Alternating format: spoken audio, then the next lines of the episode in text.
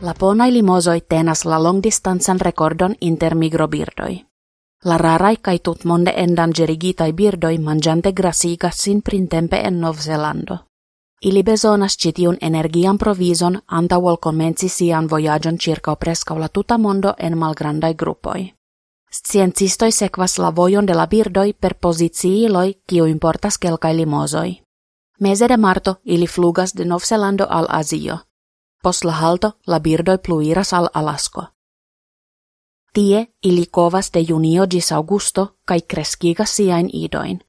Poste ili fermas la cirklan vojon sen halte. La limosoi bezonas se mainon por flugi reen al Novzelando. Tien kai reen ili voyagas circa dudek ses mil kilometroin. Tio estas la plej long distanza birda flugo.